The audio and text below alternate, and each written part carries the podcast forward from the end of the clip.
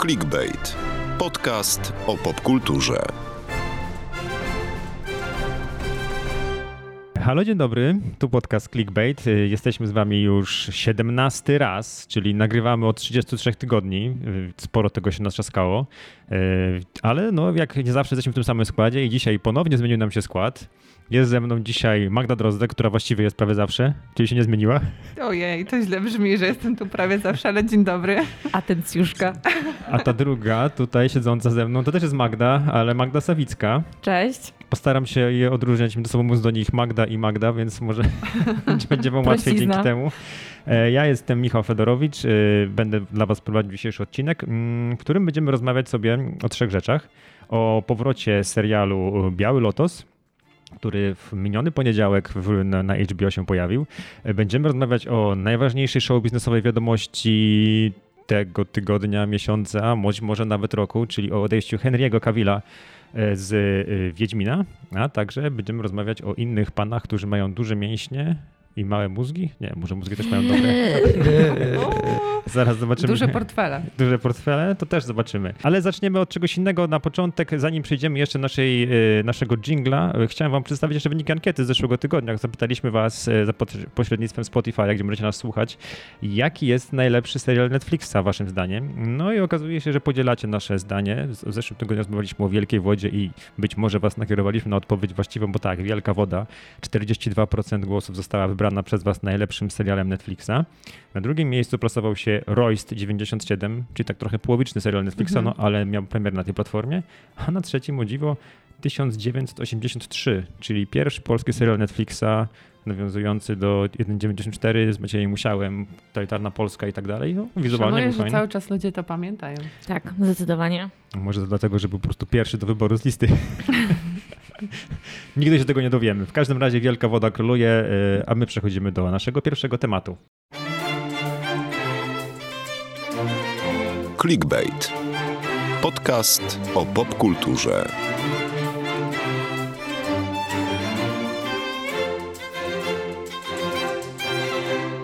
Sukcesja na wakacjach. No tak e, najprościej można streścić e, serial e, Biały Lotos, który, jak wspomniałem we wstępie, wrócił do nas z drugim sezonem. Mm, Serial, który chyba nie do końca jest popularny w Polsce, no właśnie ponieważ opowiada o, według tego streszczenia, które możemy sobie czytać na HBO Max, o grupce ludzi, białych, bogatych ludzi, którzy przyjeżdżają sobie na wczasy. I co to może być, co to może być fajnego? Jak się okazuje może, ponieważ serial dostał aż 10 nagród Emmy w tym roku, co jest wynikiem, nie wiem czy nie rekordowym przypadkiem, zwłaszcza na serial, który debiutował, to za- właściwie Mhm. to jako, miał być jako miniserial. Mm, No, no ale właśnie, czym jest ten serial? O czym ten serial jest? E, Magda, ty jesteś e, chyba największą fanką. e, Nie bo- wiem, czy największą, bo jeszcze tutaj jest druga Magda i ona też kocha. Powiedziałem Magda, nie e, wiedziałem która, ale, Cwaniak. Będzie, będzie. ale będzie skoro, tak. skoro zostałaś wywołana, uważasz siebie za największą Skoro, fankę, to mów. Mo, mogę się tak teraz tutaj określić jako największa fanka. Ja też miałam taki dzień kiedyś, 100 lat temu, że y, przeglądając sobie HBO szukałam nowego serialu, w który bym chciała wejść w taki nowy, zupełnie nowy świat. No i tak czytam y, opis Białego Lotosu i tak o, ludzie na wakacjach. No bo to jest trochę taki serial, którego nie da się dobrze opisać krótko. Tak. Po prostu się nie da. Jego fenomen to jest tak wiele aspektów, że Mhm. po prostu się nie da. Najlepsze są oczywiście teksty i cały ten scenariusz. I może jeśli kogoś nie przekonuje to, że to jest serial o bogatych e, Amerykanach na wakacjach na Hawajach, to może to, że zaczyna się od trupa właściwie i teraz cały serial polega na tym, żeby dojść do tego, kto e, w tej trumnie e, jest i co dokładnie się stało i co do tego doprowadziło. Tak, no to jest chyba główny haczyk tego serialu, tak jak mówisz, czyli mamy pana, który siedzi na lotnisku i, zaczyna wspominać Mhm. innej grupie tam pasażerów lecących samolotem, że no, był na tych wczasach i ktoś w tej trumnie się znajduje. No i to jest taka zagadka, która no właściwie to tak naprawdę przez większość serialu się nie rozwiązuje. Mhm. Dowiadujemy się tego w, ostatnich, sam w ostatnich scenach i tak mało wskazuje na to, kto to będzie tak naprawdę, więc to, to rozwiązanie tej zagadki moim zdaniem nie do końca jest takie Ale czy to Mm. jest tak naprawdę zagadka?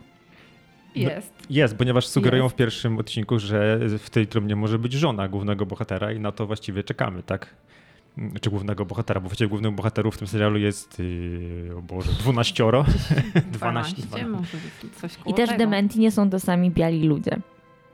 No nie są biali, ale ci, co przyjechali, są biali. E, nie, przyjaciółka. A, okej, przyjaciółka, Przyjaciółka. która przyjeżdża, ona Tak. jest takiego mm, mieszanego pochodzenia i ona tutaj najbardziej właśnie zastanawia się nad tym, jak e, Hawajczycy są ciem- ciemiężeni też przez białych, bogatych, Mhm. bogatych ludzi. Przyjeżdżają na wakacje, przyjeżdża bogata rodzina, e, ojciec, który prawdopodobnie ma jakąś chorobę, e, z dwójką, e, z synem i córką i przyjaciółką, tą, o której mówiliśmy przed sekundą. Przyjeżdża młode małżeństwo, świeżo po ślubie bogatych. Tak jest. E, przyjeżdża na te wakacje taka kobieta, biała, bogata kobieta mm, po przejściach, która, Królowa. królowa serialu, Jennifer Coolidge w tej roli, która ma rozsypać prochy swojej matki. E, I przyjeżdża jeszcze, nie, jest na miejscu właściciel hotelu, Tak. Armand. Kierownik. Menadżer. Bohaterami serialu też nie są przyjezdni, ale też osoby, które już się tam znajdują, e, więc tak ciężko też opisać, że to jest tylko o ludziach, którzy tam przyjeżdżają, bo to jest tak naprawdę taki, tak skupiona w takiej soczewce jakieś takie społeczeństwo uprzywilejowanych ludzi i Tak, on, oni są reprezentowani przez różnie, róż, różne osoby i tak cudownie się zderzają z zupełnie z zupełnie innymi ludźmi, z ludźmi spoza swojej bańki i wtedy też wychodzi ich taka, e, że życie w takim kompletnym kosmosie, w takim Uprzy- zupełnym oderwaniu. tak. No i właśnie przyjeżdżają, spotykają tych ludzi i z tego się zaczynają robić takie sceny mocno cringe'owe, zwłaszcza tych rozmów, które, Tak. które, o których się tutaj mówi, dlatego też ten serial nazywany jest e, sukcesją na wakacjach, ponieważ bohaterowie są do siebie dość negatywnie, wszyscy ostatecznie nacechowani, dosyć negatywnie do siebie się odnoszą, e, używają dość dosadnego słownictwa też momentami i serial jest bogaty też w dosadne sceny, w tym właśnie taka scena z pierwszego, z pierwszego odcinka, dosyć taka graniczna dla niektórych i stąd wiemy, że e, serial nie podobał się widzom, no ponieważ w pierwszych 20 minutach bodaj zostanie pokazany na ekranie e, męskie przyrodzenie w całej okazałości, oglądane z każdej strony praktycznie w poszukiwaniu tam jakiegoś raka prostaty. I to był moment taki w tym serialu, który, w którym dużo osób wyłączyło i poszło na IMDb Tak. i dało jedyneczkę temu Ja już, serialowi. patrzcie, ja już nie pamiętam pierwszego, sezo- pie- pierwszego sezonu tak w szczegółach, więc wy jesteście pewnie bardziej na świeżo, na pewno Wcale nie. Fedor, bo ty się dopiero do tego przekonałeś. Mhm. E, to musicie opowiadać dokładnie o szczegółach tego pierwszego, ale może nie zdradzajmy też, bo cały fan w tym wszystkim jest, że jak już ktoś się no, odpali pierwszy odcinek i wchodzi w to, nie da się po prostu już tego zostawić, bo, bo Mike White, czyli reżyser i scenarzysta, no tak świetnie prowadzi tą historię, że chce się od, odpalać kolejny, kolejny odcinek i drugi sezon, nie wiem czy już przechodzimy do drugiego, drugi sezon jest jeszcze lepszy, a dużo osób nie wierzyło w to, że można zrobić coś lepszego z tą historią. I penis w pierwszym odcinku jest jakby e, rzeczą wspólną dla pierwszego i drugiego Mamy sezonu. Tak. White Lotus ma tutaj taką tradycję właśnie. To już jest tradycja. E, Ja o tym wspomniałem, o, dlatego że e, ja sam do tego serialu podchodziłem tak troszkę, e, no jak pies do jeża powiedziałbym. Z, e, bardzo, bardzo późno zacząłem go oglądać, właściwie za rekomendacją jednej z Magdy tutaj, bo powie, powiedziała mi, że to jest fantastyczny serial, no to mówię, no dobra, no to jak mamy podcast, to chyba obejrzę, no przygotuję się trochę A ja się przygotowywałam na to, że będziesz tutaj oczerniał mnie, więc Niespodzianka, spodobało się. Mówię to dlatego, że tak jak że widzowie właśnie po tej scenie no, poszli na to IMDb, zaczęli dawać jedynki i patrzymy sobie na oceny krytyków i widzów, Mhm. to widzowie dają tam poniżej 8, 7,5, no to to jest na serial e, HBO, no to jest bardzo niska nota. Ja Tak Mhm. osobiście, nie wiem jak wy, ale ja oglądam seriale, jak mają ocenę 8, 8,1, Nie zaczynam się zwracam uwagi na ocenę. Też nie zwracam uwagi. Poza tym jakby jestem koneserką kontentu, który no ma raczej niskie oceny. Wszędzie. Tak, to, to, to, To, co, prawda. to dlaczego oglądasz Biały Lotos, taka wysoka ocena? To wiecie, no tak lubię sobie czasem. Popatrzeć na bogatych. E, Natomiast krytycy 93% na Rotten Tomatoes, 89 pierwszy sezon, a ten nowy, powstaje, który dopiero miał Mhm. premierę, ma już 93%, więc same pozytywne recenzje. E, I dla mnie było to dosyć e, szokujące, jak bardzo się ocena widzów może nie zgadza z ocenami krytyków, no bo jednak to są niskie oceny. No i ta, ta i, i wiele takich scen w tym serialu, między innymi Mhm. w ostatnim odcinku, które jest, nie zdradzę już, skoro prosiła mnie Magda, ale jest tam taka scena, kolejna scena graniczna, po którym spodziewałem się, że połowa ludzi od, też ponieważ Mike White nie boi się pokazywać e, takich rzeczy, takich sytuacji mocno, em, no mówię, jak to mówić, granicznych, tak? Nie wiem, jak, żeby nie mamy to, to Obscenicznych. obscenicznych, tak, wulgarnych, bardzo wulgarnych, bardzo wulgarnych, narkotyki e, też tam się znajdują, no oczywiście przemoc, bo musi być tutaj gdzieś ten trup, to też się tam znajduje, Prze- ale przemoc słowna też się znajduje, no Mhm. różne, różne bardzo złe rzeczy, ale jednocześnie jest to bardzo zabawny serial. Tak, to prawda. A drugi moim zdaniem, no ciekawa jestem waszej oceny drugiego, y, bo widzieliście już pierwszy odcinek Ja drugiego tak. sezonu. Ja jeszcze nie, nie zdążyłem niestety. Kurczę. No, Moim tam, zdaniem- Możecie poopowiadać, Poza tym, nie że pojawia się znowuż przyrodzenie jednego z głównych aktorów, Penis. Theo Jamesa, y, który zresztą jest za, zakochany w, w Białym Lotosie i tak opowiadał, bo rozmawialiśmy o serialu. No i oni oczywiście wszyscy wchodzili na plantacy podekscytowani, że widzieli pierwszy sezon i ten deszcz nagród, i ten Mike White, i ten scenariusz, i ten trup, i nie wiadomo co tam się wydarzy. Dodatkowo pojechali na Sycylię, więc spędzili kilka tygodni czy miesięcy, tygodni chyba y, na, ta, na Sycylii, w Taorminie.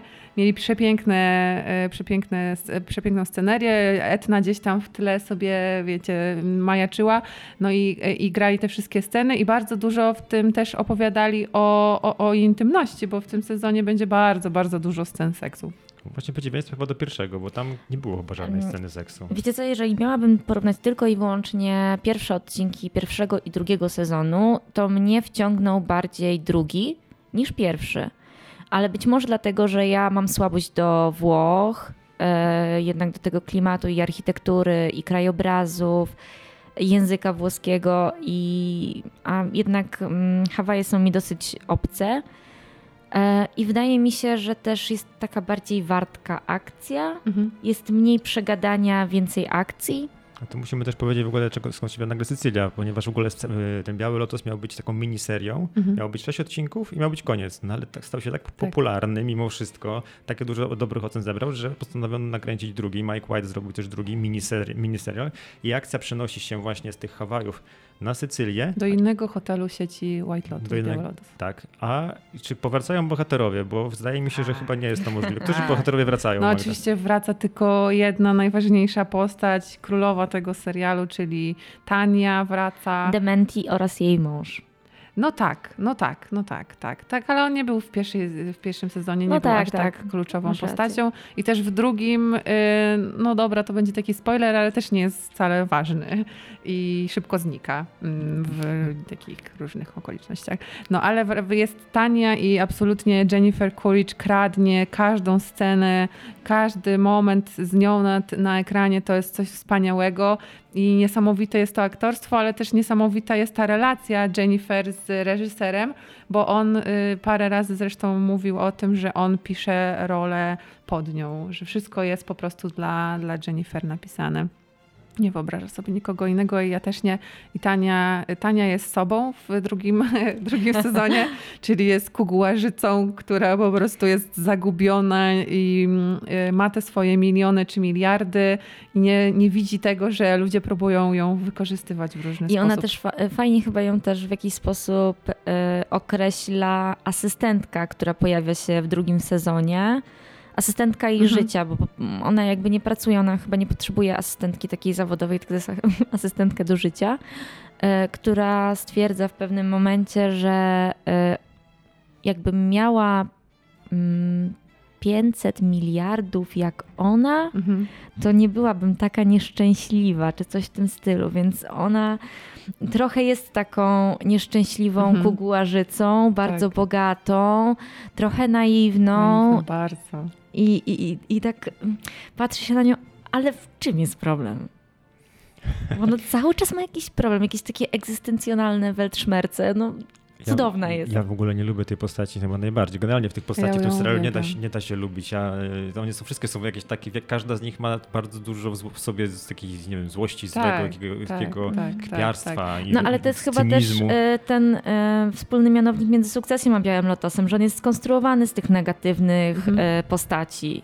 Czy A- raczej ale nie jednak, ma ale jednak, negatywnych i pozytywnych postaci, tylko wszyscy mają w sobie ten współczynnik dobra i zła. ale jednak w sukcesji jest chociaż Kendall. Kendall, który tam jakby tam teoretycznie mu kibicuje w tym serialu, chociaż też zrobi coś złego. Serio? On jest takim spoilować. bogatym, rozpuszczonym lalusiem, który mu wszystko się należy, bo jest najstarszy z synów. Który I- chciał się przypiąć do krzyża w trakcie swojej imprezy urodzinowej. To już jest Tak, kwestia- to zawłaszczanie tego, co- kulturalne, kiedy on zaczyna rapować, jest to mega cringe'owe, no nie wiem. W Białym Lotosie fajne jest to, że te wszystkie postaci właśnie są w jakimś stopniu negatywne i są jakoś tak bardzo stereotypowo na początku się wydają, czyli aha, feministka, aha, millennials, millennials asystentka, e, prostytutka, kugułażyca właśnie i, i, i to, to są takie proste hasła, ale z każdym odcinkiem właśnie one są rozbierane na czynniki pierwsze i wychodzi, że każdy z tych bohaterów, nawet jeśli wydaje się jakąś fajną, pozytywną postacią, to wychodzi jakieś takie skurwo z każdego. W drugim sezonie jest Sabrina Impaciatore i ona gra Valentinę, czyli menadżerkę hotelu i ona z kolei nie ma tak, że ona się odwraca, żeby zmienić wyraz twarzy, tylko wprost mówi komuś tak. E, ja się śmieję, tam... bo to jest po prostu mistrzyni takich niezręczności. To jest w ogóle, ona jest taka na co dzień moim zdaniem, bo byliśmy, e, w, mieliśmy wywiad, HBO organizowało wywiady i między innymi właśnie był, był wywiad z, z trzema włoskimi aktorkami, które, które pojawiają się w Białym Lotosie. Tymi młodymi prostytutkami? Tak, tak, z tymi dziewczynami i właśnie z, z, z serialową Valentiną. I ona siedziała w takim kostiumie Gucci. E, przy, przy piersi miała taki potężny kwiat. Nie wiem, co to była jakaś taka lilia, no wyobraźmy sobie, że to była lilia. No właśnie, nie, nie, troszeczkę nie. E, I ona tak siedziała i my czekaliśmy na ten wywiad, znaczy już w kamery i tak dalej, wszyscy czekają w pogotowiu, każdy chce zadać to swoje pytanie jedno i a, a Sabrina cały czas, ale kochani, czy ten kwiat to nie jest za dużo, bo ja tutaj reprezentuję Gucci. Muszę wyglądać.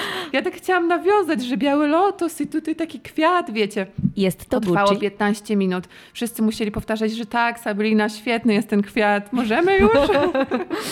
A Sabrina w tym drugim sezonie mówi po włosku? Czy, czy mówi po włosku, tak, mówi miesza. po angielsku, tak, tak. Z takim włoskim akcentem mówi po angielsku, co jest absolutnie cudowne. Tak. Bo tutaj największa krytyka z tego, co widziałem w recenzjach, e, nie krytyków, tylko widzów, jest to, że trzeba, e, Amerykanie muszą czytać napisy. Niesamowite, bo, to padło w trakcie tych e, rozmów właśnie tak? z włoską obsadą. I one się tak zastanawiały, no ciekawe, czy tak ci ludzie będą chcieli czytać, nie? Bo tam będą napisy w serialu. A my tak dziennikarzy, tam była dziewczyna z Brazylii, z Wielkiej Brytanii, ludzie z Irlandii.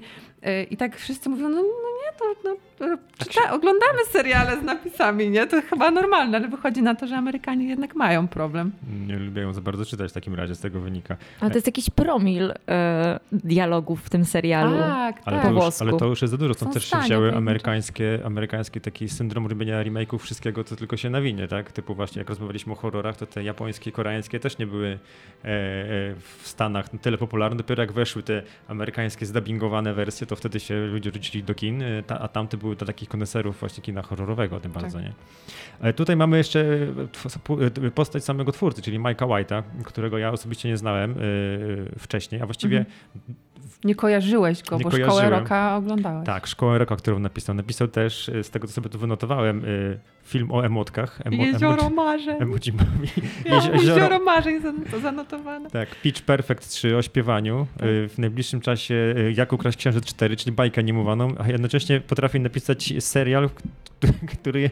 Jest a... ogromną satyrą polityczną, społeczną, na, na gender, na wszystko. Na wszystko inne. A ja, ja sobie przypomniałem skąd tego znałem, bo przeczytałem właśnie w tych, że Mike White brał udział w takim to jest taki show, reality show, chyba już go nie realizują, Amazing Race, mhm. o takiej grupie e, grupie tam 12 osób, czy właściwie to było 6 albo więcej par, które ścigają się po świecie, e, żeby tam dobiec na metę, e, dobiec na metę i wygrać tam milion dolarów powiedzmy. No i ten Mike White, który jest scenarzystą tego, bra, mhm. brał tam udział w tym serialu właśnie ze swoim ojcem. Jak się okazuje, mu kibicowałem e, podczas tego, tego, tego programu. No niestety nie wygrał, ale wygramy za to tą produkcją właśnie Biały Lotos. Ale dobrze, Magda, jesteś po piątym odcinku i co, warto to oglądać? Oj, warto, a szczególnie właśnie już w piątym odcinku jest taka akcja, bo Aubrey Plaza pod wpływem bardzo dużej dawki włoskich win e, zaczyna, no próbuje wyciągnąć brudy kolegi granego przez Theo Jamesa e, na wierzch, bo tam są takie różne relacje między nimi, no i naprawdę już się taka jazda bez trzymanki zaczyna tam. No i warto pamiętać, że nie można przewijać napisów, bo e, ja przygotowując, pisząc, tak, e, spisując wszystkie wywiady, właśnie tak e, natknęłam się na, na, na informacje od twórców czołówki i oni tam mm, takie małe wskazówki wyrzucili i tak sobie przejrzałam jeszcze raz tą, tą czołówkę i zastanawiając się, czy tam są spoilery duże. Nie są to ogromne spoilery, ale są to no, no naprawdę podpowiedzi do tych postaci, co się z nimi będzie działo. A czy tak samo było w pierwszym sezonie? Bo ja przewijałem zawsze czołówkę pierwszego sezonu. Wszyscy przewijają No, czołówki. wszyscy przewijaliśmy wtedy. Teraz tego nie róbmy. Okej, no dobrze, to w takim razie oglądajmy razem z czołówką y, w każdy poniedziałek, tak? No tak. Jeszcze o tym może sobie trochę porozmawiamy, ale teraz Magda będzie cierpiała i czekała kolejne 5 tygodni na wyjaśnienie zagadki, ponieważ te, No. znowu mamy trupa i znowu musimy się dowiedzieć, tak. kto tutaj go zabił i kto tym trupem tak naprawdę jest, bo chyba tego też nie ma, prawda? No Tak, to nie ma. czekamy na wyjaśnienie w takim razie. Clickbait. Podcast o popkulturze.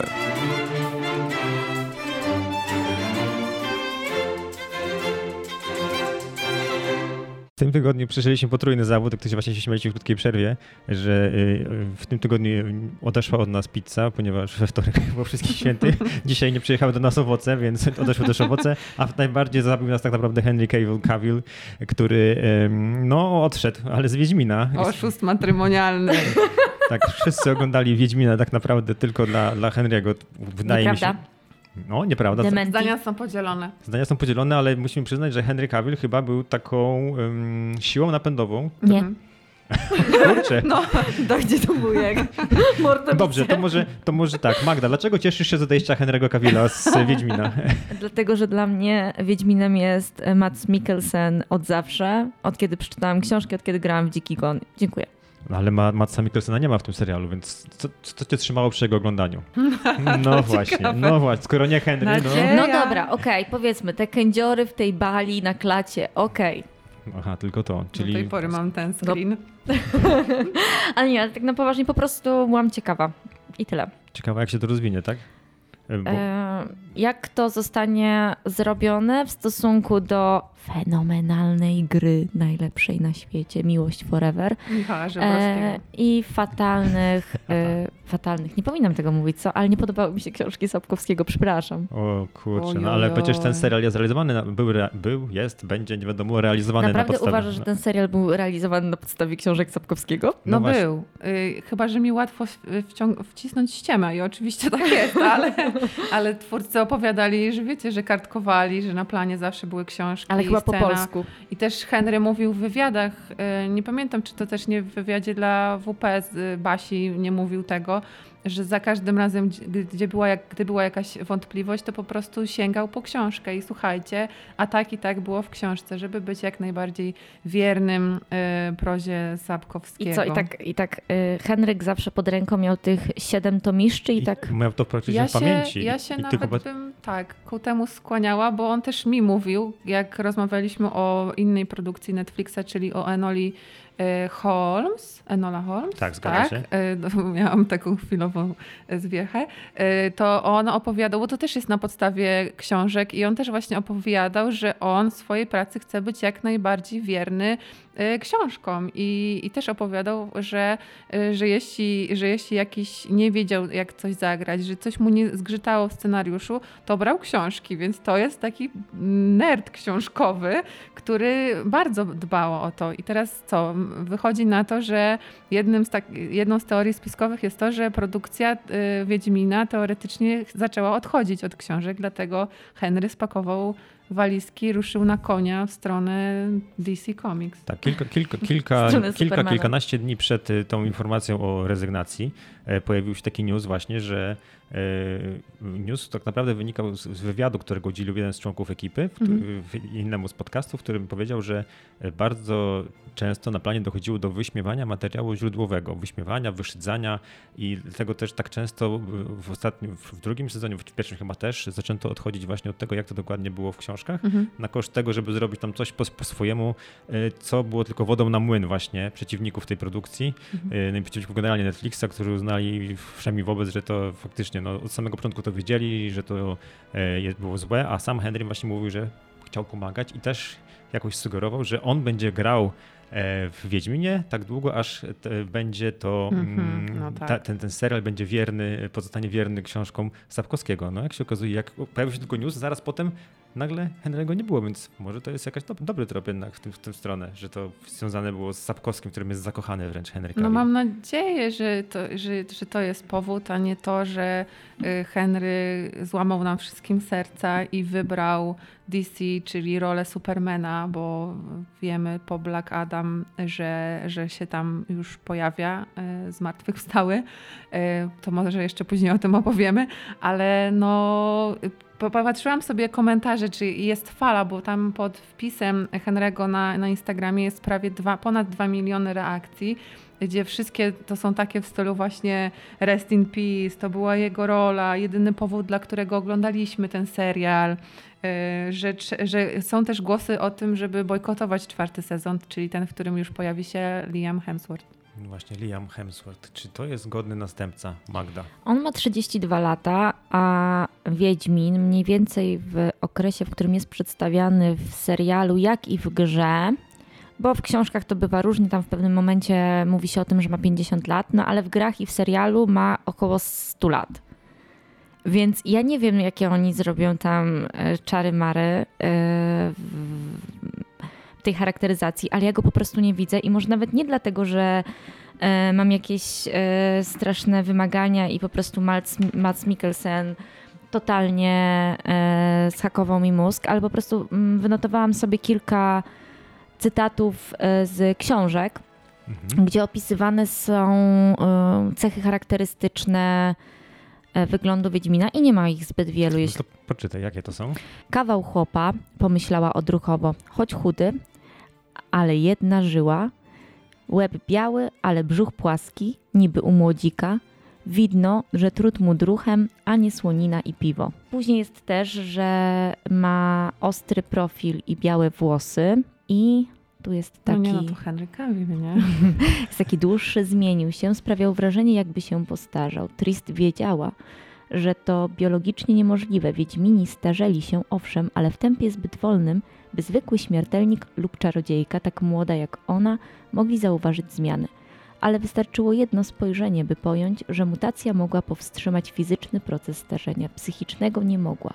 Posieczona zmarszczkami twarz Geralta była tego najlepszym dowodem. Czyli zmarszczki. No, miał, był młodzikiem, który miał, który miał zmarszczki. Gdzie on do tego, gdzie Hemsworth do, do tej roli? On w ogóle się nie kojarzy z taką postacią tego białego wilka, wiecie. Jedno spojrzenie na, na szczękę Henry'ego Cavilla i nogi miękną, a tutaj nie wiem, co będzie miękło. Na pewno będą wymiękałe dziewczyny w charakteryzatorni.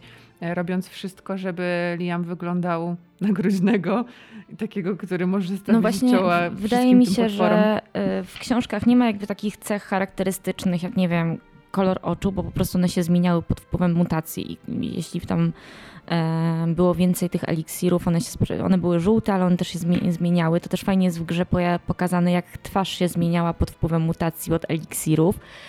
I ja naprawdę nie wyobrażam sobie, jak on to ogarnie, nie, po prostu jak sobie On... przypomnę to, jak oni wiele rzeczy zawalili w tym serialu, jeśli chodzi o efekty specjalne, nie wydaje mi się, żeby ogarnęli jego twarz efektami specjalnymi. Właśnie wydawało się, że ten Wiedźmin, jeśli weźmie go Netflix z dużą, y, dużą ilością pieniędzy, to zrobią to na, na, na, na bogato. Mhm, ale tak samo pierwszym... nam się wydawało, że jak Amazon rzuci miliardami na Władcę Pierścieni, to też będą świetne efekty i co? co no ja wa przez was nie, jeszcze tu nie widziałam tego serialu, pomimo mojej wielkiej miłości do Władcy Pierścieni, no bo obrzydziliście mi życie.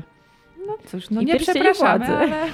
ale... mamy rację, więc dobrze, rację. dobrze, że go nie oglądasz. E, ja Wiedźmina oglądałem cały pierwszy sezon, odpadłem na drugim odcinku drugiego sezonu, dalej już nie obejrzałem e, i nie czułem takiej tęsknoty za nim, ale dla mnie też Henry Cavill nigdy nie był takim Wiedźminem... Mm, Z marzeń i snów? Tak, no on był po prostu pakerem. Bo, bo Wiedźmin, którego ja sobie wyobrażałem, trochę właśnie do Mikkelsena być może jest tak. nawet podobny, jeśli chodzi o, te, o książki, mhm. e, a nie takiego właśnie pakera, e, którym Henry jest, ale mimo to on tchnął jednak taki, takiego ducha, mhm. takiego zawadiactwa. Super bohaterstwa. Ale no taki był, no taki To jest tak. też profesjonalny koleś, który opowiadał w trakcie wywiadów, wiecie, tam nie można było go zagiąć, on znał tych wszystkich bohaterów, detale, więc on też bronił tą produkcję taką swoją miłością do Sapkowskiego, i takim, taką, tak, taką, takim byciem wiernym do, do tych książek. I to ludzi też urzekało. Inną rzeczą był jego wygląd oczywiście. Ale to, co Magda powiedziała o tej szczęce, no to rzeczywiście no to w, książ w książce jest, że on miał ostry profil, czyli miał ostre rysy twarzy. Liam ich nie ma. Umówmy się, to jest babyface. A to, może, może trzecia, czwarty sezon będzie prequelem w takim razie. nie wiem jak to. Nie mam pojęcia, bo... A mi się wydaje, że to jest trochę taka, taki typ z łapanki, no bo popatrzcie, jak to jest ogłoszone w ogóle. E, jeszcze nie mamy premiery trzeciego sezonu, która jest tam pod koniec tego roku, e, a dostajemy newsa nagle, nic z tego nizowego, że Henry rzuca tę rolę, Netflix to potwierdza i już mają nowego aktora. Że, dlaczego, jak, jak oni mogli to zrobić, to tak naprawdę zabije zainteresowanie samym Tak. tym trzecim sezonem, mi się E, wydaje. Ale wiecie Tak. co, Bagiński też napisał u siebie na fejsie, że... To dobra, całego wpisu mi się nie chce, bo jest durny, ale że y, czwarty sezon będzie dopiero za kilka lat, więc ten Liam może się jeszcze zmienić milion razy. Postarzą go jakoś, Znaczy nie to, że Liam... sadzą go do że, suszarki. Tak, zrobią z niego rodzynka, ale tak naprawdę y, nawet nie chodzi o to, że on się zmieni, jakby jego wizualność, tylko bardziej chodzi mi o to, że y, może, mogą zmienić po prostu aktora. Że to jest taka zapchaj dziura, że on ma nazwisko, wiadomo kim on jest, on jest jednak bardzo popularny wśród młodszych niż ja y, widzów Netflixa, tak mi się przynajmniej wydaje. Moim zdaniem dobrym ruchem byłoby wzięcie tutaj jednak Michała Żebrowskiego. Też tak myślę. Znaczy on by w, w, Myślę, w obecnym wieku e, w, w, wciąż jest w formie, e, pasował do Szczęka tej pierwszej ekstra, roli, tak. jest szczęka, byłoby to jakaś Ale taka miła e, zmiana tak, w tylko pójście w takie musiałby, słowiaństwo. musiałby tylko na, mm, przypakować tak ostro, ale generalnie no tak, przecież on chyba nawet w dubbingu użyczy, e, użyczył swojego głosu Geraltowi e, w Mhm. serialu. Natomiast e, mm, Geraltem w mm, grze Dziki Gon był e, Jacek Rozanek. To Jacka Rodanka byśmy chyba nie dali tej No roli, nie. mimo wszystko. E, no nie, nie ta postura na pewno, e, ale tutaj też wspominałaś właśnie Tomka Bagińskiego, który właściwie miał być takim, e, jak, jak był ogłaszany w ogóle Wiedźm, że Tomek miał być tam kimś takim ważnym w tej produkcji. Ojcem chrzestnym. ojcem chrzestnym, takim. showrunnerem, wręcz Mhm. producentem, reżyserem odcinków i tak z każdym kolejnym miesiącem, rokiem, dniem, tygodniem coraz mniej ten Tomasz e, Bagiński e, e, znaczył tak naprawdę tej produkcji. I ostatecznie to, to chyba właśnie dlatego nie było to wierne klimatowi książkowemu, ani w ogóle takiej słowiańskości, dlatego że tego Bagińskiego tam chyba po prostu nie było już od dawna. On pojawił się na początku i teraz co, pisze tylko na fejsie komentarze a propos kolejnych tych ról i ja nie wiem, co ten Bagiński na tym serialu jeszcze robi, ale chyba niedobrze mu się tam wiedzie. Mm, Wydaje mi się, że on chyba myślał, że będzie miał tam większą rolę niż miał w rzeczywistości. E, podobnie jak my. A tak naprawdę jest tylko takim, nie wiem, łącznikiem pomiędzy f- fanami książek, gier, tej całej fanbazy e, i Polakami, a, a resztą świata. Koniec końców to zawsze jest y, zderzenie z realiami show biznesowo-hollywoodzkimi i tak dalej, że ma, z jednej strony jest ta miłość, och, robimy, ekranizujemy, ja, jesteśmy tacy wierni Sapkowskiemu i innym twórcom, ale później to wychodzą te liczby, te Excele, to, że coś po prostu trzeba wypuścić, że cała ta promocja, taki, wiecie, taki, taki, taka, taka ta cała syfiasta otoczka wokół produkcji. No i co? Tak było właśnie z, z, z pierścieniami władzy, że to się wszystko rozbiło to, że możemy wsadzić w to miliony, ale ludzie tego nie będą za bardzo oglądali, bo wyczują jakiś fałsz. No i teraz nie wiem, jakie były też ym, wyniki tego drugiego sezonu Wiedźmina, ale nie, nie, nie robiło to szału specjalnie, jeśli chodzi o box Mm. Ja tylko pamiętam, że wyniki były gorsze, dużo gorsze niż pierwszego sezonu, a już pierwszego sezonu nie były zadowalające. Nie no, na początku przecież pierwszy, jak się Pierwszy, szedł Wiedźmin, pierwszy to poszedł ładnie. pierwszy tam- tam No, było ale du- tak, ale pierwsze godzin. odcinki, a później jak się e, pojawiały. No ale Netflix to liczy tak naprawdę tylko, wiesz, odpalenie pierwszego odcinka na tam 3 sekundy, to już jest dla nich, No e, tak, to no już tak. jest dla nich sukces. E, e, no i, i, ale też, no jak widzicie to może nie było zadowalające, ale miał takie nadzieje Netflix, że zrobi coś z tym uniwersum. Przecież oni Mhm. robili też anime teraz jakieś, Mhm, tak, e, tak, jakiś tak. serial, który jest jakby prequelem Wiedźmina. Tak, Wesimir ma tam być, czyli mistrz Tak. wiedźmiński. Czyli tu mieli wielkie Tak. plany, ale wypuścili swoją de facto największą gwiazdę, który może nie był Wiedźminem idealnym, ale jakby tą produkcję cały czas ciągnął. Więc dla mnie to jest w ogóle abstra- abstrakcją, że to się w ogóle wydarzyło. Wiecie, dlaczego dla mnie mm, Henryk był złym wyborem też? Dlatego, że on już jest twarzą Supermana. Że jednak dobrze by było, żeby Geralt miał swoją własną twarz. Mhm. Tak, nie- tak, tak, bo to są dwie kultowe postaci w popkulturze. Tak samo jak Mamoa jest bardziej. Aquamanem Mhm. e, i tak dalej, i tak dalej. Natomiast tutaj, znowu Bagiński, e, przywołuje, że Wiedźmin, że Geralt jest trochę jak James Bond i Batman, dlatego nie ma w ogóle problemu z tym, żeby ten wizerunek się zmieniał i żeby ci aktorzy się zmieniali. Biorąc pod uwagę fakt, że chyba pierwsze ekranizacje Batmana wyszły w latach 60., e, również Bonda, no to chyba jednak, biorąc pod uwagę przestrzeń, e, kiedy wyszedł Wiedźmin, no to zresztą już był kiedyś Wiedźmin, była już zmiana. Był Michał Żebrowski, więc no halo, ile mo- można? A może po prostu sezon trzeci jest tym kończącym, tak? Yy, I Wiedźmin, y, tak jak w książce. Nie no, spo- czwarty... Spoiler Nie, no, alert, a może, może Wiedźmin. Geralt ginie, a w czwartym będzie już inny Wiedźmin. I w taki sposób wybrną z tej sytuacji. Nie wiemy, co będzie w trzecim sezonie. Skoro oni tak rozwałkowali e, fabułę w pierwszym sezonie, to przysięgam, nie wiem, co musieliby zrobić w następnych. Ja zresztą nie wiem, czy bym w ogóle sięgnęła po Sapkowskiego, dlatego że akurat jeśli chodzi o fantazy, to w moim domu e, czytał tylko mój brat, pozdrawiam Marcin. E, I, on, I właśnie książki, które ja czytałam, to są jego książki, które po prostu wzięłam z domu rodzinnego. I je przeczytałam tuż przed e, serialem, żeby moja opinia nie była deprecjonowana przez e, fanbazę, jako że nie czytałam, to przecież ty nic nie wiesz, dlatego tobie się podoba to i tamto i tak dalej, i tak dalej. E, ale tak mi się spodobały książki, pomimo mówiłam, że Sapkowski nie jest dobrym pisarzem, ale tylko i wyłącznie dlatego, że te pierwsze jego opowiadania, które się chyba pojawiały na początku w fantastyce, no to dialogi są prowadzone tak. Dzień dobry królu, powiedział Geralt. Dzień dobry Geralcie, powiedział król. Więc jakby to już było dla mnie trochę tłumacz. Później jest trochę lepiej, e, ale ym, i, przypomnijcie mi, to było przed świętami, jak wyszedł pierwszy sezon? Mhm. Chyba jakoś Chyba tak. tak. W okolicach się. E, święta i Sylwester to ja i mój mąż rozwalamy gierkę wspólnie wieczorami.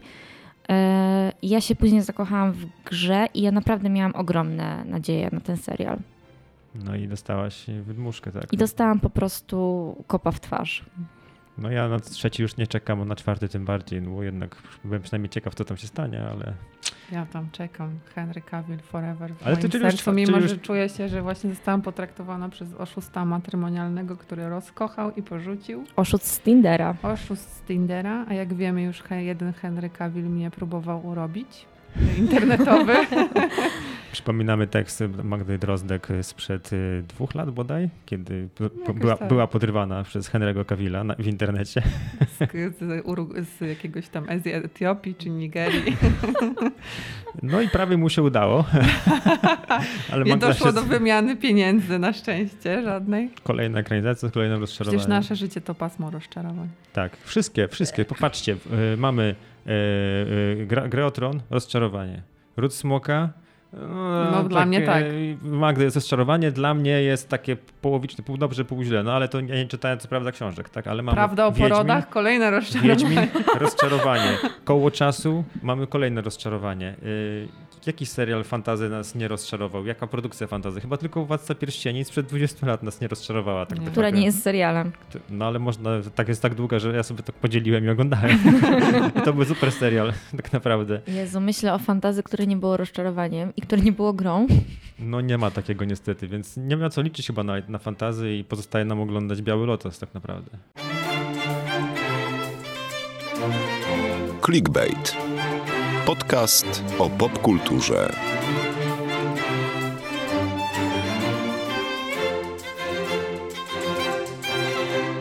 No dobra, mieliśmy tak, mieliśmy temat Magdy y, pierwszej, czyli Magdy Drozdek, Biały Lotos, był temat y, Magdy Sawickiej, czyli Wiedźmin, no to teraz mój temat, czyli potężni, silni, dobrze zbudowani mężczyźni. Na sterydach. na sterydach, spoceni, za którymi szalałem w latach 80., e, których potem przez pewien czas nie było, a teraz znowu powrócili. E, Tak jak Henry Cavill jest takim właśnie typowym mięśniakiem, mamy takich trzech, e, e, jeszcze i w- do, trzech takich łącznie mamy w Hollywoodzie. Mamy też teraz Dwayna The Rocka Johnsona e, i mamy tutaj e, Jasona Momoa i wszyscy trzej grają e, w filmach e, DC teraz nagle. Warner sobie strzelił e, hat-tricka i no i wszyscy, wszyscy właściwie panowie zawładnęli e, światem kina. No ale właśnie chciałem troszkę właśnie o, tym, o tych moich fascynacjach e, z lat dzieci, e, dziecięcych, czyli lata 90., kiedy nadrebaliśmy tych filmów lat 80., kiedy był Commando, kiedy mieliśmy, w ty, i mieliśmy i Rambo, kiedy Jean-Claude Van Damme jako uniwersalny żołnierz e, rozwalał wszystkich e, wszemi wobec dookoła. E, No i ci panowie ponownie zniknęli. Teraz nieśmiało niektórzy z nich, tak. Y, z nich wracają, no ale czy będą w stanie y, jakby ponownie rozgrzać tutaj mm, widzów w związku z faktem, że mamy tych trzech nowych mięśniaków tak naprawdę. Stallone wraca w, w serialu, tak? W serialu kryminalnym, mafijnym. Pierwszy raz będzie w ogóle serialu Tulsa King, więc ma taką rolę. Będzie w Strażnikach Galaktyki 3, w Niezniszczalnych 4, więc Stallone tutaj mimo tego zakończenia jakby trochę kariery gdzieś tam się kręci po, na uboczu, ale najbardziej mhm. chyba z tych trzech udało mu się coś, e, coś z tym zrobić. I, I, nie wiem, Magda, czy ty czekasz na filmy ze Stalonem? Tak? Zawsze. A, czyli Zawsze. też masz taką fascynację, jak ja, okay. Od 70 którego? 76 jak wyszedł Rocky. Nie było mnie na świecie jeszcze, ale jak już się urodziłam. A Rambo pierwsza, i, nie, Rambo tak. to już lata 80, no, przepraszam. No, no, tak, tak. Ja, ja, jakby ja już, jak zaczęłam świadomie oglądać filmy, to Rocky był kultowym, kultowym filmem. I, i ja jestem zakochana od dawna w tych wszystkich e, starych filmach stylu Rocky, Rambo, Creed, później, to już akurat nowsza, nowsza rzecz, ale uwielbiam na przykład ze Stalonem Tunel, nie wiem czy kojarzycie, wiecie, że tak, tam się tunel, tunel zapada. Co jakiś tam czas telewizja Tak, tak, tak. I ten salon tam ratujący tych wszystkich ludzi, niesamowite, uwielbiam. No i wszystkie te Rambo po kolei, wszystkie części. Ale to jest też trochę chyba tak, że fenomen tych wszystkich mięśniaków z lat 80. i 90. polega na tym, e, że nasza telewizja wałkowała filmy z tymi aktorami, cały czas, cały czas. I po prostu nie było opcji, żeby tego nie oglądać jakby przed erą e, platform streamingowych, no to miało się tam kilka kanałów, a kilkanaście lub kilkadziesiąt, jak to tam trafił e, na karuzeli szczęścia. I wydaje mi się, że to zależy od tego, właśnie między innymi też ich fenomen, że nie było mediów społecznościowych, nie było takiego przepychu i dobrobytu mięśniaków, którzy tam ewentualnie mogli cieszyć oko. Zawsze się tak z okładki VHS-ów wrzucali w oczy, nie? że łatwo było zlokalizować film dobry akcji, tak. bo był zawsze jakiś napakowany... Tak, tak, tak, tak zwłaszcza Van Damme ja tak kojarzę z tych okładek. To jest taki, taki, takie zadymione, jakaś czerwień w tle i ta twarz, nie?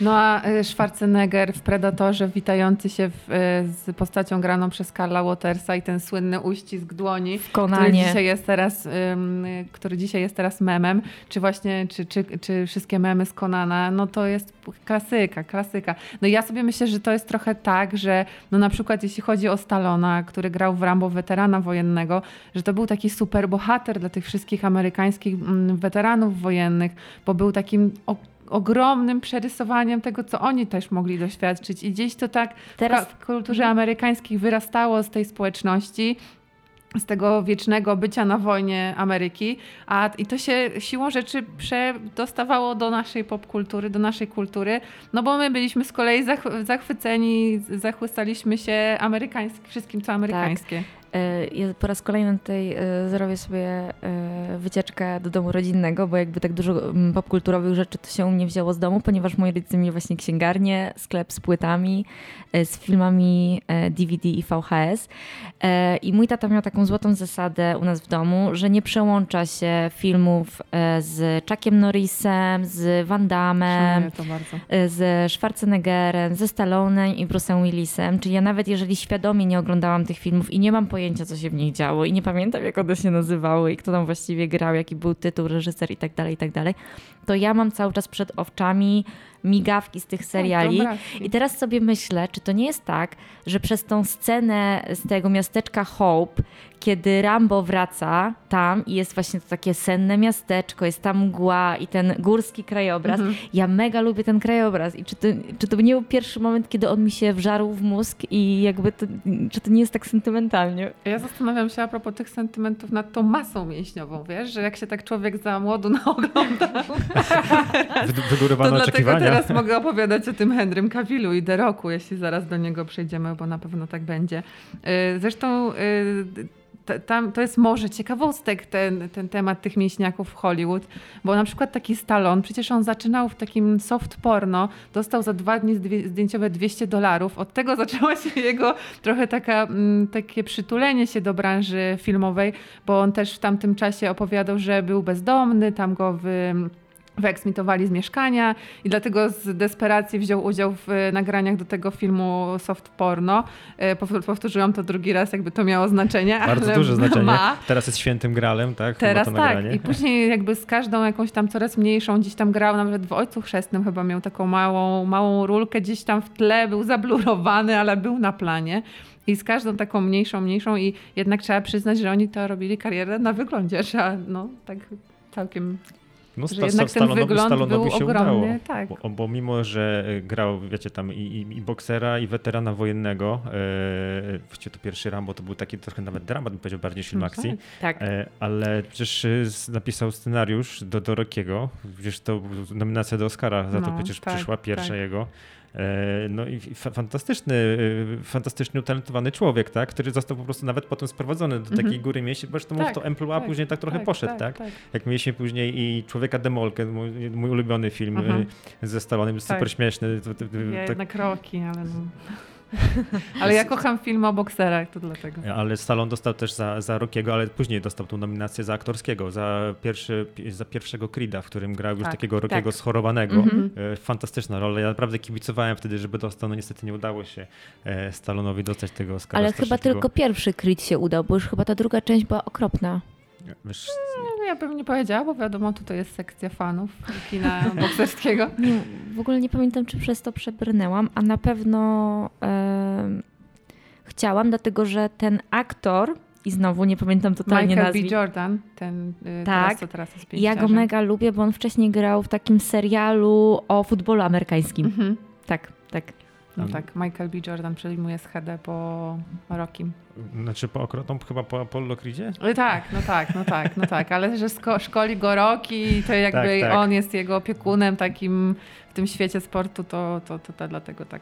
Co by powiedział ojciec Apollo Creed, jakbyś nazwała e, tego syna Rockim z drugim? No. No, no właśnie, no. To był pierwszy raz. E, z drugiej strony mamy Schwarzeneggera, który w Hollywood błysnął właśnie klatą głównie, bo był misterem. E, I Mister kulturystą. Olimpia, siedmiokrotny Mister Olimpia. Tak, i Miał zresztą oto kosę ze Stalonem i cały czas sobie dogadywali i też próbowali, wie, kto więcej zarobi, kto wygląda na większego i tak dalej, i tak dalej. Dogadywali sobie okrutnie w wywiadach, aż w końcu Schwarzenegger w jednym z wywiadów powiedział, skoro on jest siedmiokrotnym finalistą Mister Olimpia, to on może sobie odpuścić tą rywalizację ze Stalonem. No i został gubernatorem. Tak, ale on się świetnie bawił w ogóle swoim wizerunkiem. I jest ten Arnold filmowy, który i, i był, i co był tam opiekunką, i, i był w ciąży, tak? I, I różne takie komediowe role, plus te role typu Predator, gdzie tam te mięśnie grają największą rolę. Świetna sprawa. No i ten Arnold, polityk. No ale a, właśnie zanim wszedł w politykę, e, Arnold Schwarzenegger e, pojawił się na chwilę w filmie z lat 2000 Welcome to the Jungle. I w tym filmie taka, taka malutka rola zwana cameo. Mhm. pojawia się na sekundę i mm, widzi jak e, do jakiejś tam, to chyba scena miała miejsce bodaj w dyskotece, dawno temu go widziałem, ale wchodzi na tą dyskotekę e, on, czy Dwayne The Rock Johnson właśnie akurat. Mhm. I przy, przybijają sobie tak pionę trochę jak, e, jak w Predatorze, Mhm. e, że tak wiecie, tak, na, Tak, na zgiętych łokciach tak. i mówi do niego e, Schwarzenegger, mówi have fun i wychodzi. I, to, i, to, I film leci dalej w ogóle. Czyli tutaj mamy takie symboliczne przekazanie pałeczki właśnie e, Dwayne'owi The Rockowi Johnsonowi, czyli Mhm. e, osobie, która potem e, zaczęła tak naprawdę karierę mumią, no ale też w jakiś sposób to swoje, e, swoje emploi jakoś rozwijała w różne, w różne strony. E, no ale właśnie, czy The Rock, teraz mamy w kinach w, w Black Adamie, jeszcze nie miałem przyjemności, Mhm. ale Magda, radzi sobie jako superbohater? No nie radzi sobie, Krótki, krótka recenzja, nie radzi sobie, ale patrząc generalnie na karierę Deroka, to jest taki, tak, taka współczesna wersja tego, co się działo ze Schwarzeneggerem, bo The Rock też ma takie komediowe role, gdzieś tam był jakąś wróżką, gdzieś z jakimiś e, dzieciakami biegał, gdzieś tutaj te filmy w stylu z Markiem Wahlbergiem, też Tanga i Cash, Czyli komediowe? Więc komediowo, dramatyczne, później trochę tego wszystkiego. No i teraz idzie w kino superbohaterskie i on w tym filmie jest straszna produkcja. Straszna produkcja, naprawdę straszna, taki wielki chaos. Taki, ktoś napisał, że to jest przeciwieństwo rozrywki, że niby siedzisz tam i chcesz się bawić, ale śmiejesz się z tej żenady, która się dzieje na ekranie. I to jest film napakowany slow motion, takim, takim patosem, próbowa, prób, próbą mm, wrzucenia tam takich śmiesznych sytuacji, żeby trochę zbić tego patosu. Nie, y, te, o tym filmie w ogóle nie ma co mówić, jest straszny, ale no i to też myśl, myślą o tym tak krytycy, bo widzowie uwielbiają ten film i to już zebrało ponad 70 milionów. Najlepszy film pod względem kasy dla, dla, dla The Rocka. I coś jednak w tym jest, że ludzie chcą chodzić na filmy z, z Dwaynem. Ale Dwayne ma taką popularność jest mocną na, na Instagramie, bo on tam kilkaset milionów tak. ludzi go śledzi. Tak, ja też. Tak. Właśnie wspania- o tym człowieku. Wspaniałą ma, wspaniałą ma interakcję w ogóle z, ze swoimi fanami i on nakręca sam. On jest najlepszą maszyną promocyjną filmu ze swoim udziałem. Tak. Żadna, tak. żadna kampania nic nie nakręci tak bardzo, jak on sam, puszczając jakieś fragmenty, jakieś śmieszne rzeczy z planu, więc y, to jest to taki no, przedsiębiorca wręcz, który tak, zarządza tak, swoim wizerunkiem w bardzo dobry sposób. E, w taki sposób, który no, po prostu ludzie po prostu kochają The Rocka. No ja nie wiem, nie, nie widziałem wszystkich z tych filmów, ale w każdym filmie on w sumie gra bardzo podobną postać, ale za każdym razem no, jest coś w nim takiego, że chcę, chcę to oglądać. Ja nawet Słoneczny Patrol, który, który był fatalny, fatalnym filmem, oglądałem go dla The Rocka, bo The Rock sam się też odnajdywał, chciał zrobić, chciał wejść w buty Davida Hasselhoffa.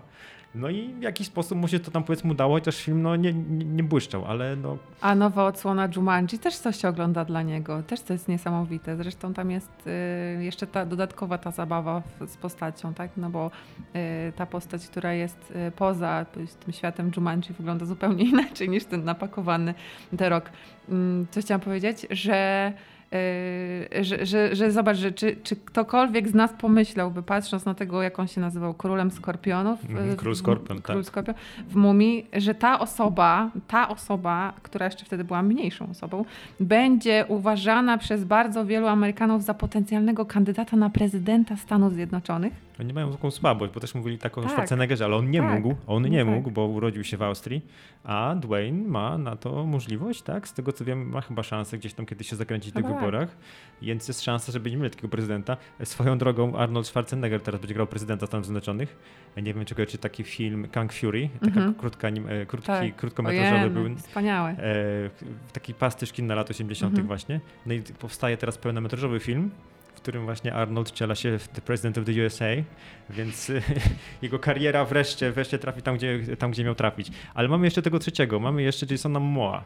I, I, to jest dla mnie taka. taka taki... Nie ma tutaj Basi, a Basia wiadomo rozmawiała z Jasonem. Postaram, postaram po się tym, być Basią troszkę. Po tym wywiadzie rozpadło się małżeństwo Jasona, więc rozumiecie. Ale Jason Momoa moim zdaniem jest takim, mimo że popularny, jest dla mnie taki naj, najmniej wyraźny z nich wszystkich. Ja go kojarzę właściwie mm. z roli Aquamena. Tylko z roli Aquamena go kojarzę. Drago. Kto to jest Drago? Trzymajcie mnie. A co, ty nie oglądałeś? Jezu, bo no, gra bo, o tron. Bo ale Fedor wykasował ze swojej pamięci grę o tron. Jak już wszyscy słuchacze. Słabo mi. Okej. Okay. Siostro! O, to był tylko, to był tylko pierwszy sezon. Tak? Siostro, tak? stamtąd, stamtąd, stamtąd się... już naprawdę przysięgam, zapomniałem, że taką rolę w ogóle miał. Ale jaka trauma, co, że wypiera typa wypiera, tego wielkiego nie, nie, z pamięci. Nie, nie mówmy dalej o grze o tron. Dobrze, okej. Okay. To ja, to ja milczę. Po, po, nim jest tylko Aquaman. W czym jeszcze grał No w Jason? Dune chociażby. To też jest mała rola, która ale nie jest, to jest, jest super taka typowa. rola, bardzo ładna rola. Tak, okay. piękna. Grał, ale to jest też mikrorola i, i w ogóle nie ma tam brody, więc może dlatego też nie, nie, nie rozpoznawalny dla mnie. Ale do czego zmierzam? Chodzi mi o to, że jak widzę e, i, i Kawila widzimy gdzieś mhm. i widzimy Deroka, tak ten Momoa niby jest taki super fajny, znany, wyluzowany, na chille w ogóle, koszula hawajska zwany, wywiadów udziela i tak dalej. Mhm to jednak jak jest takim, on, on, tego, on nie ma w sobie tego, mm, jeszcze tak chyba bardzo nie potrafi. Musi chyba zatrudnić kogoś do tego wizerunku, żeby... A może po prostu nie chce wyskakiwać z każdej lodówki? No, myślę, że każdy z nich by chciał tak naprawdę wyskakiwać. Ale to jest to. koleś, który tam bez koszulki łowi, nam pal, palcami wyłapuje ryby z, gdzieś tam na Hawajach. To jest koleś, który ma wspaniałe życie w naturze. Co go tam obchodzą jakieś role? Dostał tego Aquamena i teraz dopiero będzie budował jakiś tam swój taki wizerunek. Tak, Też jak, tak uważam. y, jak, jak, jak Henry na, na Supermanie na przykład. A z drugiej strony, czy niektóre rola, role na przykład Dyroka nie powinny się nie wydarzyć? Bo wydaje mi się, że tam było kilka takich fakapów. Właśnie tam Brawo. połowa tej listy tych filmów to są takie fakapy, że nie chcemy o nich mówić. Jakby już tutaj jeden padł taki y, tytuł, czyli Sztanga i Cash. Nie no, Sztanga i Cash jest świetnym filmem. Nie mówimy o tym, bo gra tam Mark Wahlberg, a kancelujemy wszystko, co z Markiem Wahlbergiem jest. Ja uwielbiam Sztanga i Cash. Uważam, że fenomenalny tytuł polski w ogóle jest do tego. Am- amerykański jest Pain and Gain, Tak. taki, ale tu jest Sztanga i Cash. To jest tak cudowne nawiązanie do tego kina lat 80. Tak, w tak, ogóle. no tak, no ale Mark Zresztą Wahlberg ze. Stallonem i, i, dobrze pamiętam, i Russellem chyba, nie wiem, czy nie, nie pochrzaniłem teraz czegoś. Dobrze powiedziałem? O, Tak, my się zgadzamy z tobą zawsze na wszystko. ale być może, być może się mylę. Już Pamiętam, ale to jest, e, tytuł samego filmu jest, e, jest świetny. No i mi takich, e, takich filmów z lat e, 80. trochę brakuje. Mhm. Bo teraz to kino jest takie mocno efekciarskie, tam wszystko się dzieje, tak jak ty Mhm. mówisz, tym w Lakadem jest totalny chaos, wszystko Tak, się wali, efekty tak, za efektem, nie? tak. A mi brakuje takiego, takiego kina i nawet, nawet ci niezniszczalni tego nie, nie, nie, nie przywrócili. To było też zbyt efekciarskie, ale takie kino typowe, tak jak ten Komando był kiedyś właśnie, Mhm. jak był y, właśnie ze Stalonem ten człowiek, e, człowiek E, demolka, albo alpini, Bruce'em Lee, alpinista. e, co Chuck Norris zbił się z Bruce'em Lee, e, Droga Smoka? Coś takiego, to też było dobre. Pozdrawiam ciebie, Generalnie tato. wchodzimy na grząski grunt, bo te wszystkie filmy, o których mówimy, mówiliśmy, czyli te Predatory, te, te wszystkie, te, te, ten cały dorobek lat 80., to są filmy często rasistowskie, antyfeministyczne, gdzie tam faceci grają tylko i wyłącznie główne role i rozmawiają o facetach, faceci o facetach, a kobiety to tam ewentualnie są jakimiś azjatyckimi prostytutkami. Oj, oj. Więc może nie do końca, niech to, niech to nie wraca. I teraz jest jakby cały ten Hollywood próbuje no, na nowo trochę te historie pokazywać i świetnym przykładem na to, jak można zrobić dobry film na bazie tego, co, co było, to jest nowy Predator, Tak, Nowy Predator to, to gdzie się, nie to ma tam zgodzę. A się ogląda to świetnie. Tak, Nowy Predator no, ładnie weszła w buty y, tego y, no, Arnolda Schwarzenegger. Tak, tak. Schwarzeneggera. No i Ja obejrzałam y, nowy, nowego Predatora i zaraz później na Disney Plus wyświetlał się, żeby obejrzeć sobie, przypomnieć sobie tą pierwszą, czyli właśnie e, pierwszą odsłonę Predatora z Arnoldem. I to są dwa światy, ale tak bardzo różne, że nawet nie, to ciężko to opisać słowami. Jak od tego mięśniaka, y, który tam grozi temu Predatorowi i tam, wiecie, go, gołymi łapami, no. To do, tego, do, do tej dziewczynki z psem. No, pięknego. E, Ta, e, Am- Amber Mid Thunder ona się chyba nazywa, Mhm. która występowała e, w, w tym filmie.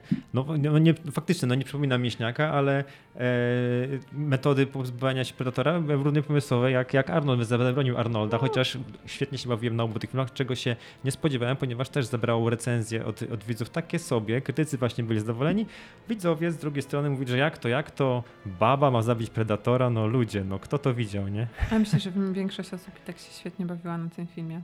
Tak, i polecamy go na Disney Plusie. Jak już y, macie dość naszej dyskusji o mięśniakach, to włączcie sobie Prey, Predator. y, Bardzo serdecznie polecamy. Tak, najpierw ten nowy, a później wrócić do W ogóle starego wydaje mi Predatora. się, że jeśli chodzi o Disney Plus, to tam jest cała, cała plejada i, i to gwiazdozbiór wszelkich mięśniakowych filmów Tak. marvelowskich, więc tak. Ale moim zdaniem, y, jak już reasumując całe rozmowy, to obecnie nie dorównują jednak tamtym, że ja wciąż może trochę żyję przeszłością, ale Mhm. Arnie, Sly, Van Damme... Ale oni byli takimi bedesami, nie? Wiecie, a teraz jednak nawet jeżeli ci aktorzy mają mm, powiedzmy jakąś taką e, niezbyt sympatyczną rolę, to później nagle się okazuje w social mediach, że jednak są mega sympatyczni, lubią pieski i kotki. Więc wydaje mi się, że też dużo robiła taka otoczka. A ja wam powiem No, jeszcze no- na koniec taką anegdotkę, może chyba, że Magda jeszcze No ja nie, bo chciałam tak dodać, że, że, że teraz może do tego zestawienia dojdzie ten Zac Efron, który się wciela w, w A, wrestlera jest y, y, Jacka Dinsona i tam y, i to pokazuje tą naszą trwającą fascynację tą masą mięśniową, bo już teraz wystarczyło, że pojawiły się pierwsze zdjęcia z planu zrobione przez paparazzi gdzieś tam ukry, w ukryciu pod, pod kamperem y, Efrona i ten Efron, który wygląda potężnie jak taka baryła ogromna, I od razu zaczęły się domysły, jak on to zrobił, czy to jest prawdziwe, czy to jest kostium. Jest w nas ta fascynacja masą mięśniową i ona nie gaśnie. Patrząc po, po tej całej takiej internetowej burzy wokół tego, jak wygląda dzisiaj Zac Efron i patrząc też na to, jak y, przedstawia się box office Black Adama, nie? I to, ile dolarów, milionów dolarów generuje Dwayne Rock Johnson, bo już teraz ten człowiek zarobił, jego filmy zarobiły ponad 3,5 miliarda dolarów, czyli tyle, ile do tej pory zarobił y, Stallone. A mimo wszystko, właśnie na, odkryć powiem na koniec, y, Magda to wy też, jak byłem na, na takim quizie w mhm. pubie, pewnie kojarzycie taką rozrywkę, y, to była kategoria rozpoznaj aktora po, po, pośladkach. po pośladkach. Tak, i to, co zgadliśmy na 100% to właśnie było, jak pojawił się Schwarzenegger, od razu wiedzieliśmy, że to są mięśnie Schwarzeneggera i oprócz Schwarzeneggera, jak idzie w kierunku miasta. Jak pojawił się Van Damme w takich stringach, mm -hmm. gdzieś w jakimś tam filmie, od razu wiedzieliśmy. A tych nowych, no niestety nie zgadliśmy i no, może to, to teraz jest... będzie dżingiel, a później Fedor jeszcze powie, kogo nie zgadł, czyich pośladków nie rozpoznał. Nie no, to już innym razem. Dzięki. E, na koniec wam powiem jeszcze tylko, że możecie nas oczywiście słuchać e, na e, Google Podcast, Apple Podcast, na Spotify'u, na OpenFM, do którego ostatnio także, także dołączyliśmy. My słyszymy się ponownie za dwa tygodnie z równie ekscytującymi tematami i pewnie znowu z wymienionym składem. Przepraszam, dzisiaj mnie troszkę możecie nie rozumieć, mam rozbitą twarz od przewrotki na rowerze, nie polecam jazdy jesienią bez świateł. Pakował. Pakował Pakowałem twarzą w ziemię, bruk. Była sztanga. Tak, dostałem sztangę. Więc za niedogodności w słuchaniu bardzo przepraszam. E, żegnamy się z Wami. E, do usłyszenia. Cześć. Cześć. Pa.